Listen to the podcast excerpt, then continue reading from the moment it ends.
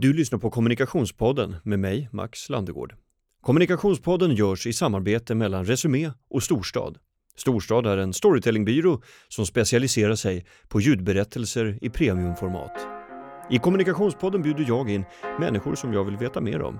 Och podden är till för dig som vill bli lite smartare vid middagsbordet.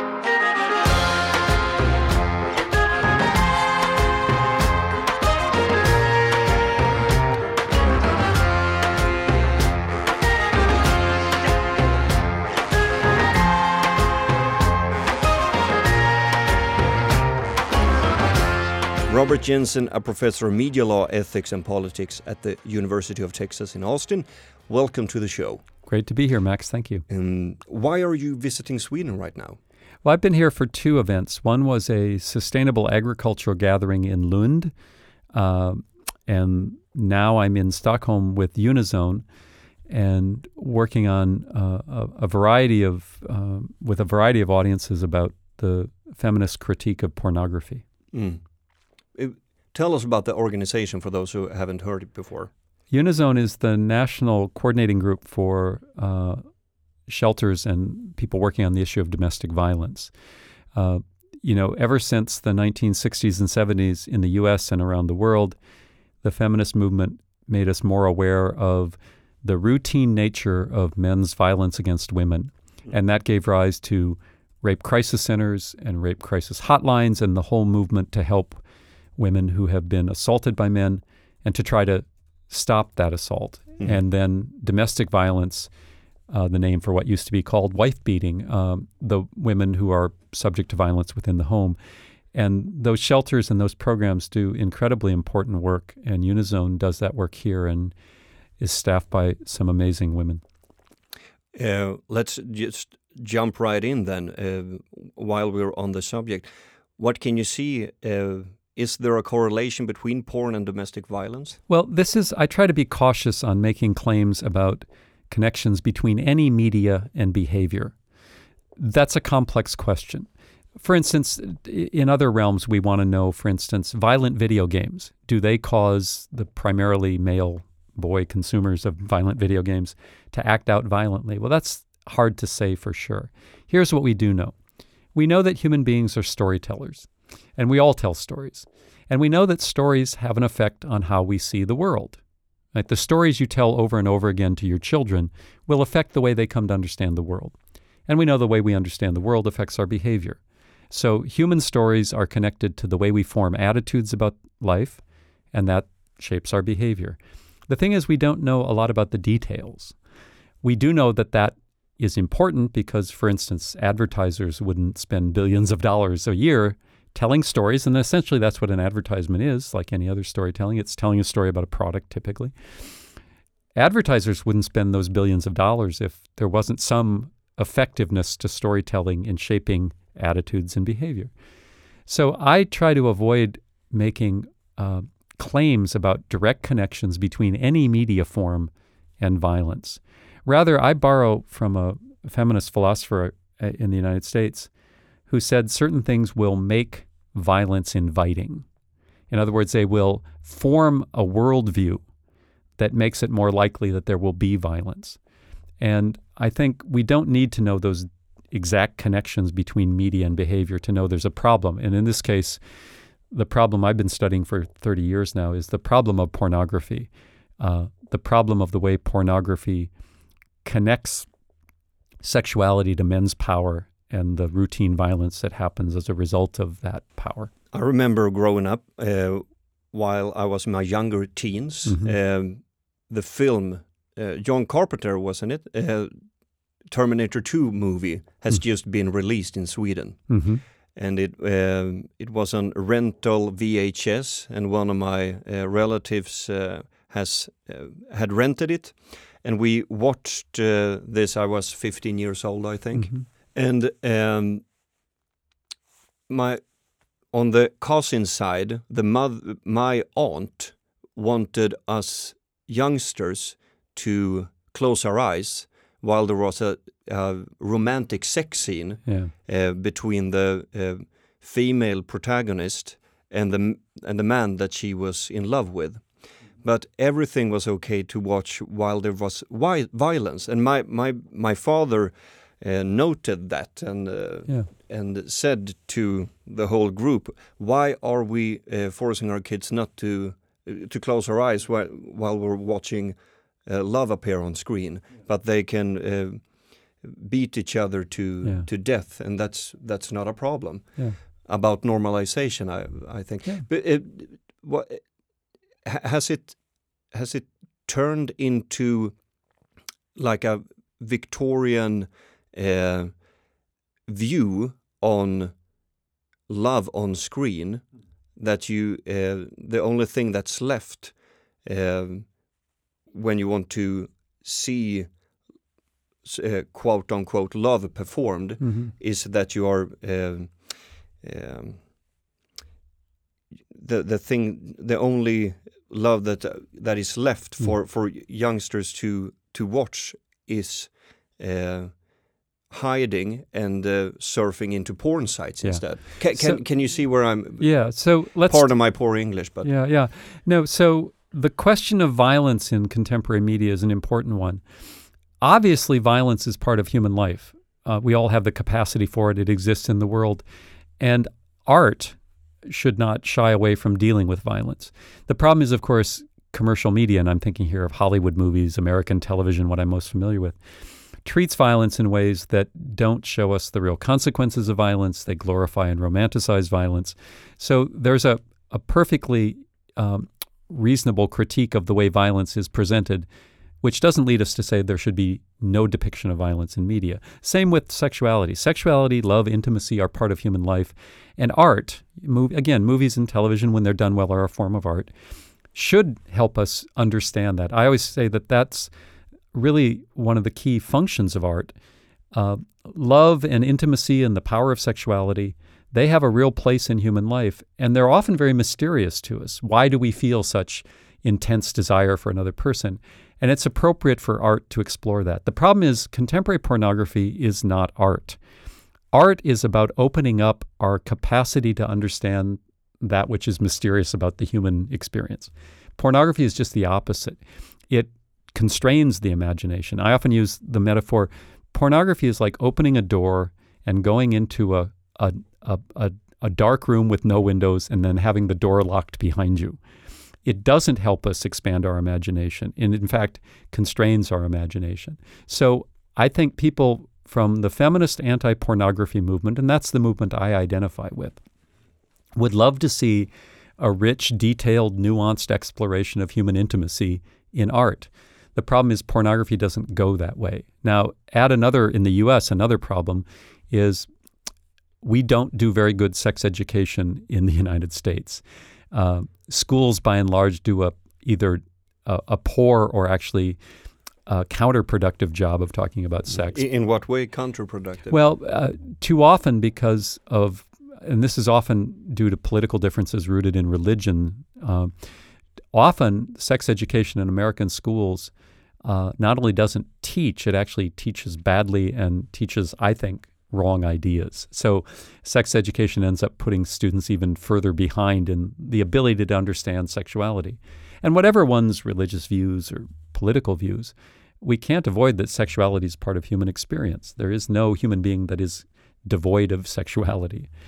Right. Now, the problem is, as I think you were getting to, is when there isn't a lot of public discussion about that, then where do young people go, especially young boys, because the porn industry largely targets male consumers? They go to pornography that is an incredible distortion of human sexuality. And by that, I simply mean that pornography doesn't reflect everyday human experience. Pornography reflects a, a power dynamic men in power, women without that power. I call it the domination subordination dynamic men dominating women, women being subordinated, and then a sexual charge, a sexual excitement placed on that. Well, if you're nine, ten years old, it's getting hard for me to remember my own youth. I'm hmm. 60 years old, so that was a long time ago. But you're full of questions. You have a you know normal curiosity, and then the first images you see of sexuality are hyper aggressive men engaged in sex that is cruel and degrading to women. And you have no reference point to understand that this is pathological, this is Mm. destructive. Mm. And we're seeing that more and more. Boys reporting that they don't know what normal is anymore. I remember finding an old daily newspaper from the mid 1970s, I believe it was, uh, in the attic of the home where I grew up. Um, and there was a page after page filled with ads for live shows hmm where, where you could go visit a theater where, where a couple on stage performed sex in front of an audience. Uh, this was not an uncommon sight in Stockholm these days. A few decades ago, obviously. Wh- where would you say the whole view on sex has developed today? Yeah, well, it's developed in some pretty disturbing ways. So if you look at what I would call not only pornography, but a wider set of sexual exploitation industries, and that's the term I use for pornography, prostitution, stripping, the live sex shows you're talking about. These are the ways that men are encouraged to uh, buy and sell women for their own sexual pleasure. Uh, that itself is distorting because, from my perspective, sexuality and human intimacy is not a commodity. It's not something you buy and sell. It's a part of human life that is incredibly important to the way we come to understand not only other people but ourselves. So the first distortion is the turning sexuality into a commodity. And then in pornography, especially, you look at how that sexuality is shaped in this domination subordination dynamic and the aggression, which sometimes leads to out and out violence. But even pornography that isn't violent in the sense that there's people hitting other people is routinely aggressive, cruel, degrading, not only toward women, but also incredibly racist. The U.S. pornography industry generates an enormous amount of pornography that sexualizes racial discrimination as well. Well, again, you and I, uh, you're not quite as old as me, Max, but I'm Uh, getting there. you know, I grew up in a pre internet age. I actually grew up in a pre home video age.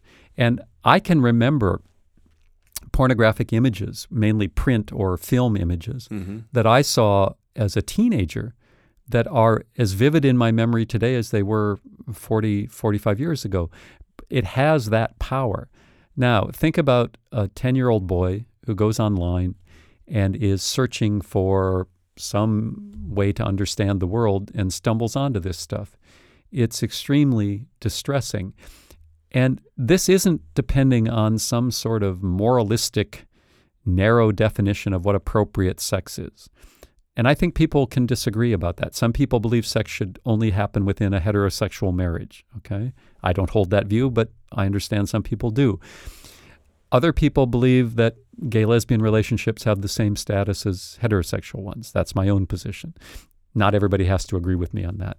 But I think we should be able to agree that 10 year old boys being exposed at a point in their development where they cannot psychologically cope with this intensity, being exposed to this hyper aggressive, misogynist, that is, woman hating sexuality, uh, is no good for anybody. And it's not only boys, of course, girls are also being exposed to this and then being exposed to the boys who who have their imagination shaped by this. And it's a crisis. It's just a crisis people are reluctant to talk about because it's difficult to deal with. But is it even possible to uh, to make all the porn in the world go away? I, I saw uh, statistics uh, telling me that I I don't I just have one source on this, so I, Yeah. I, I can't know for sure. But I read an article uh, claiming that um, over 30% of the bandwidth Hmm. in the world uh, are uh, due to porn. Yeah. Um, I don't know if, if that's correct or not, but It's one, close. It's probably close. one can um, um, anyway imagine that uh, porn is very very much um, a part of Yeah. many young boys' daily lives. Sure. Um, is it even possible to prohibit everything and make it all go away, or how should one cope with Mm. the facts that Yeah. it will, Yeah. uh, does, and will exist Yeah. for uh, even in the future? Well, Max, this is very exciting because on it's on your podcast that I'm going to first announce my plan to deal with the pornography question, and it's to elect me king of the world. Okay. And, and then I decide everything on the internet has to be approved by me. Okay. Okay. So in other words, your point is Fairly well noted. now, uh, we'll wait for the response, the, the groundswell of public opinion to elect me king of the world. Okay. Uh, yeah, your point is well taken. And it's distressing because there, from my own perspective, and some people within my own feminist anti pornography movement would disagree with this, I do not see a viable public policy, that is, laws we can pass, that are going to make a significant impact on the flow of pornography. I wish that weren't true. I wish there was a way, an innovative way to shape the law to do this. But I fear, uh, you know, that, you know, whatever cliche you like, the genie's out of the bottle. You can't put the toothpaste back in the tube. There's just a reality here. But that's not the only problem on which we have difficulty imagining laws. For instance, climate change. How are we going to get all this CO2 out of the air? We know we have to. Does anybody have a legal route for this? No.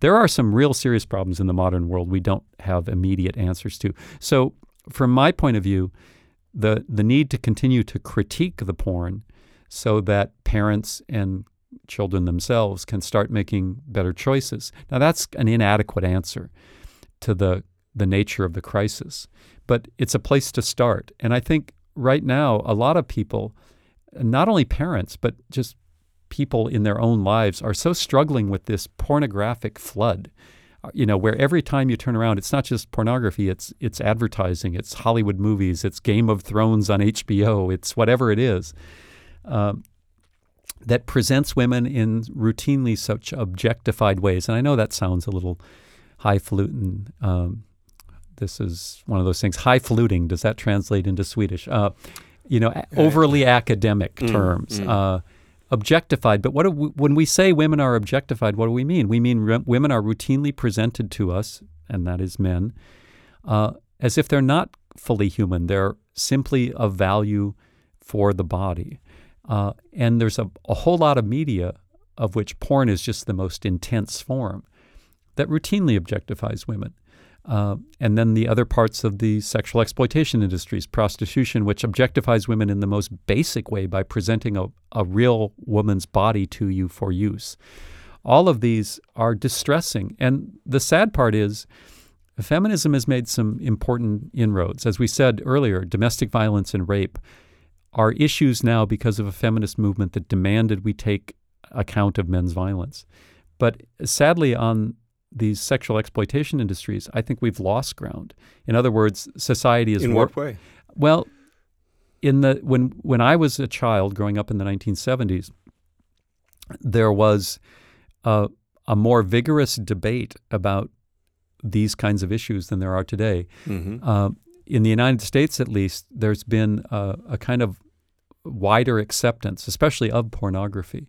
In fact, within the feminine, you mean in recent days? yeah, in the last, I, I've been studying this for 30 years. Yeah. And the expansion of the pornography industry, which is partly technological, the availability of internet porn, Mm. but also it's been a changing social landscape. Mm. Social mores have changed, uh, and not for the better.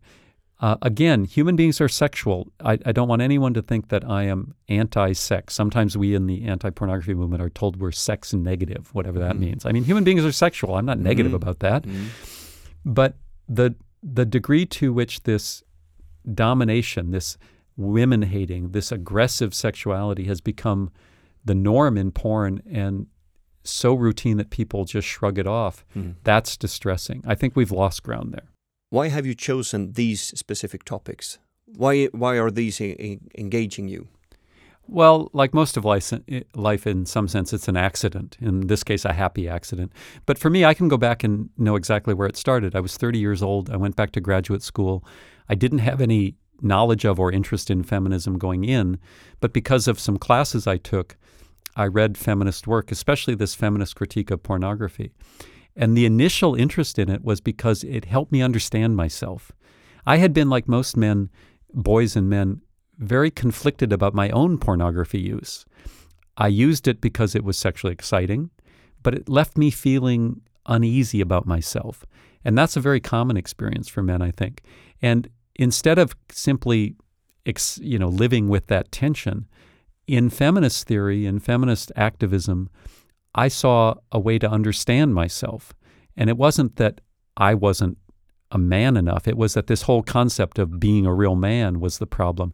And so for me, the initial attraction to feminism, I'd like to say it was because I'm noble and wanted to do the right thing and I'm such a moral guy and all that.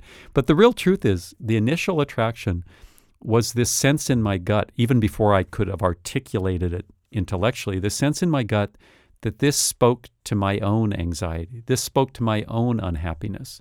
And that's why I say feminism is a gift to men. It's not a threat to us. It helps us understand why we are so often unhappy ourselves. About 10 years ago, you pu published a book, Getting Off Pornography at the End of Masculinity. Mm -hmm. uh, you've also published The End of, the End of Patriarchy yeah. Radical Feminism for Men. Uh, is all structures bad?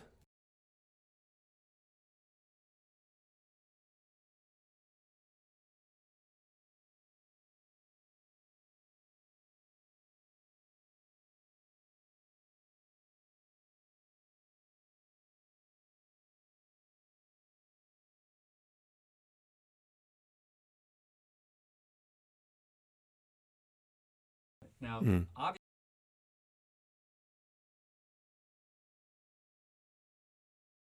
of course, but it's still the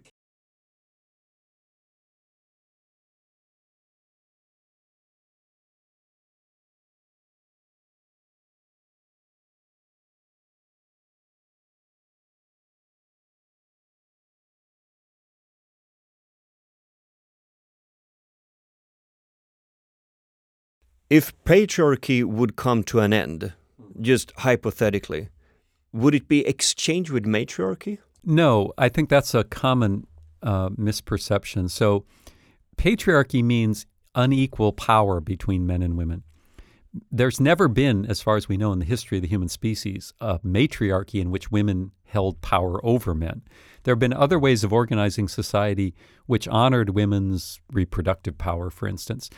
Uh, there have been societies where you pass property, for instance, down on matrilineal, it's called, where societies might be organized around women's families instead of the husband's families. There, there are all sorts of ways to organize human societies, and they've all been tried.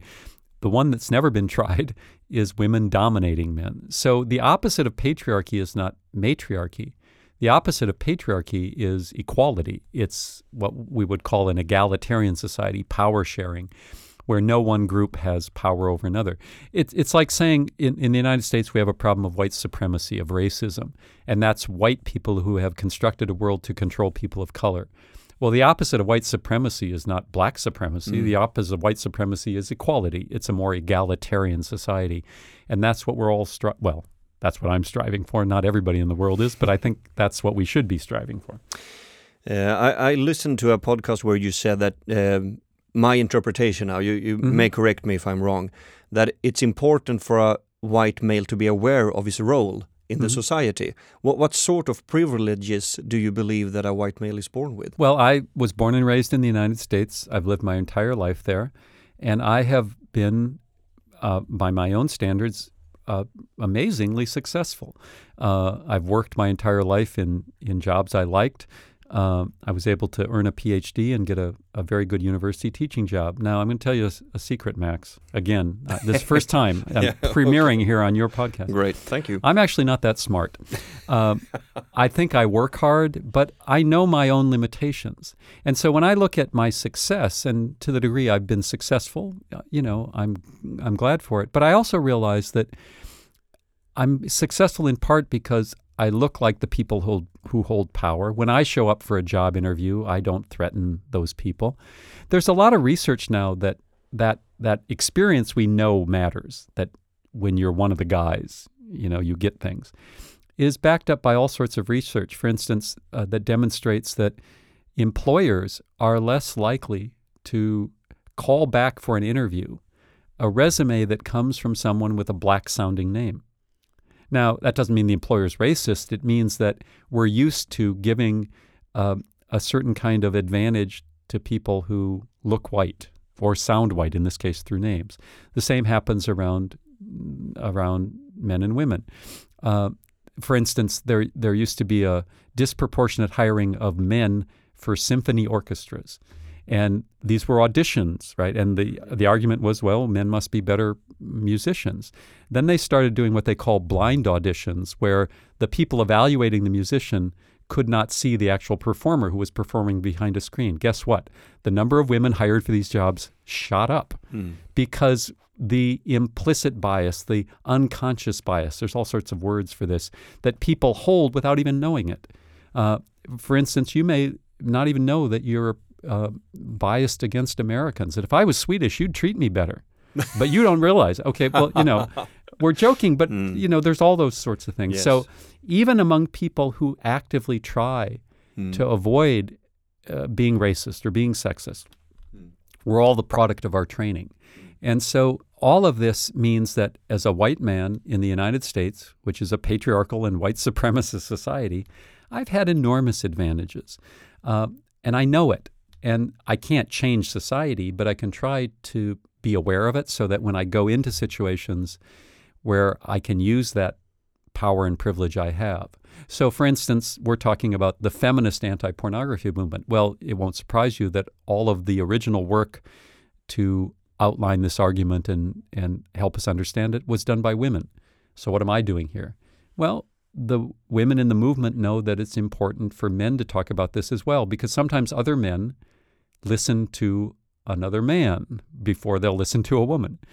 It's a strategy. That's why I'm here talking about this. We have voices in the Swedish debate that women are held back by the uh, patriarchy as as described as a glass ceiling. hmm Um, I bet that you are familiar with the uh, terminology. Sure. Yeah. Um, but does it not? Doesn't that mean that all men at the same time are protected by a glass floor? It, it can, but here's an important point. Patriarchy, we're using this term, and I know some people might say, oh, that's just some fancy term, who cares? Patriarchy, you know, male, institutionalized male dominance, doesn't guarantee that every man is always doing well, right? So in, it's been said that in patriarchy, men agree to compete with each other as long as they're all ahead of women. and that doesn't guarantee a good outcome for every man. It doesn't, no, I don't, you know, there's also too many aspects of identity.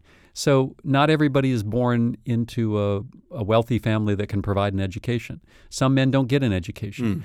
Hmm. Right? Men who don't get an education often fall below that glass floor, you hmm. could say. In the United States, uh, often this is around race. Hmm. Men who are not white don't have the same advantages. So the world is a product of a lot of intersecting identities. Uh, nothing guarantees that just because you're a man, you're going to, you know, be living high. Uh, but we're looking at patterns. You know, in the United States, there's 340 million people. It's not going to play out the same for everybody, but we look at those patterns and we see disproportionate uh, levels of violence against women. We see pay discrimination. We see all sorts of things. Right now in the United States, and obviously in Sweden too, the aftermath of the so called Me Too movement is mm-hmm. finally raising some things that prior to this were kind of invisible. So, sexual harassment of women in education, in the workplace, on the streets, that is so commonplace that for every woman, it's kind of a part of life. But it's only recently that we've been aware of it. It doesn't mean it only became a problem recently. It means we're only aware of it recently. So uh, it's all complex like this, and and there are a lot of issues to work on, not just gender, but race, class, all sorts of things. What's your opinion on the modern man today in the Western society? How, how, how is he feeling? Well, here's where I think feminism has something to offer not only women but men.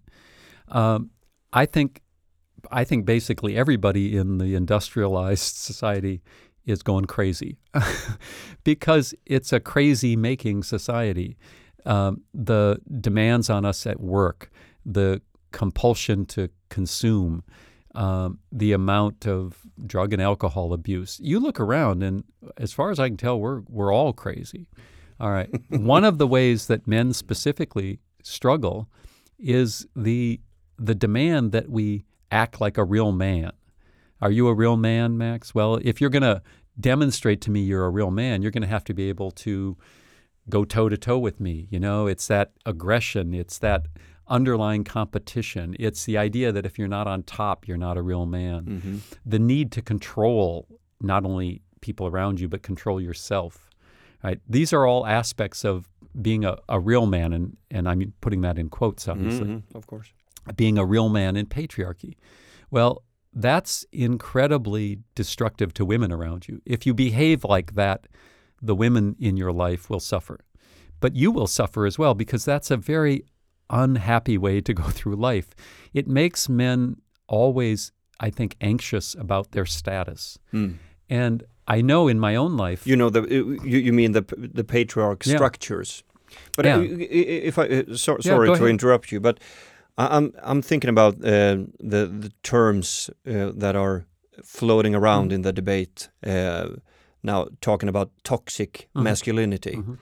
Um, don't you think that um, that young men or men in general uh, that are uh, being approached Mhm. by the debate talking about men as toxic, you know, you have inherited this toxicity, so you need to be, uh, you know, you need to be aware of this, and this is. Uh, a poison Yeah. that you yourself have a responsibility to cleanse out of yourself.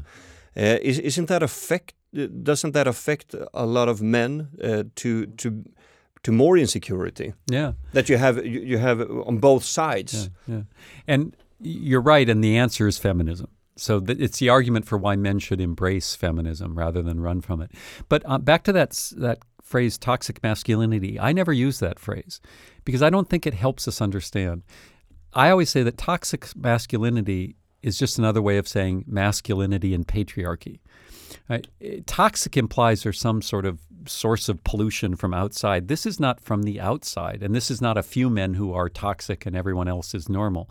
This is about how all men are socialized to think of themselves in patriarchy. And again, those terms I used earlier uh, compet- a kind of relentless competitiveness, an obsession with conquest, which of course leads to inevitable confrontation with this goal of control.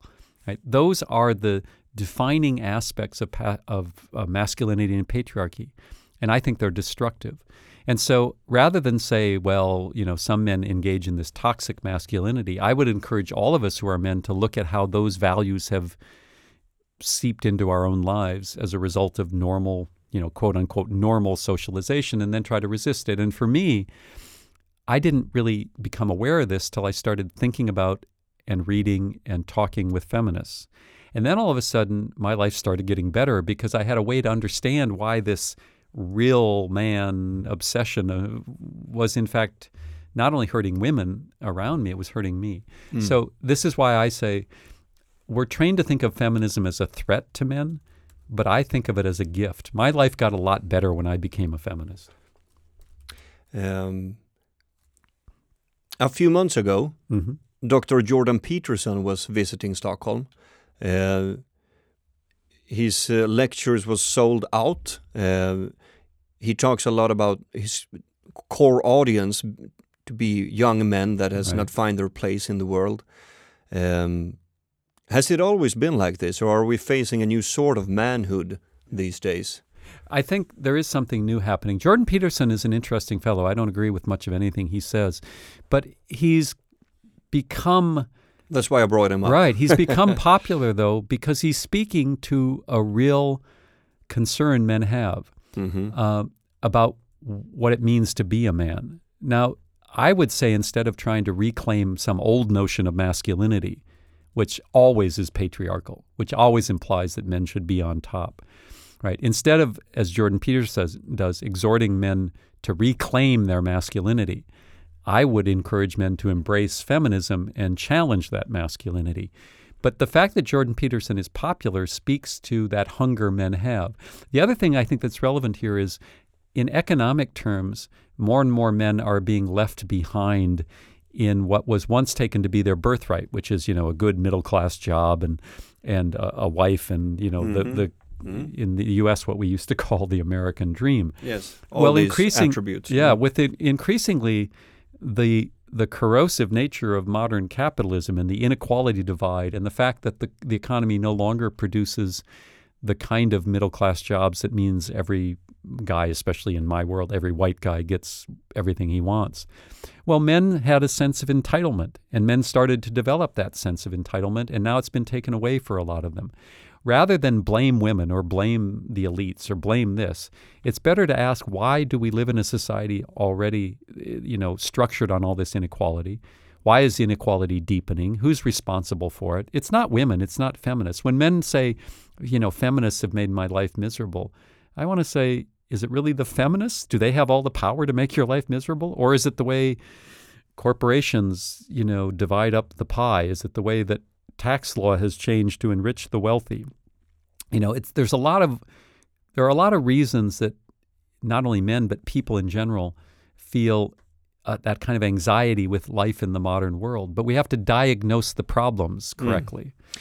But and, is is the problem not really um, if uh, is the problem really industrialization or or uh, and and the the gender inequality is the effect of the real problem that is well gender inequality goes back far before the industrial revolution we're talking about patriarchy again the system of institutionalized male dominance it's been with us historians will argue about it but at least you know in the four five six thousand years it takes different forms as societies change. And it also, of course, is not the same across the world at any one time. Afghanistan is a patriarchal society. In Afghanistan, women can still be literally property of men. Right? The United States is a patriarchal society, but women are not reduced to property in that sense. Instead, they're a capitalist commodity. They can sell themselves in the market, you know, and the sex industries are part of that. Well, both of those are patriarchal, but they're radically different societies. Right? That's the nature of power like that. White supremacy, let's take that because there's a lot of parallels. Well, we don't have formal slavery in the United States anymore, but the United States is still a white supremacist society. People of color are still systematically discriminated against and if you look at the data, the statistics, you can see how that plays out.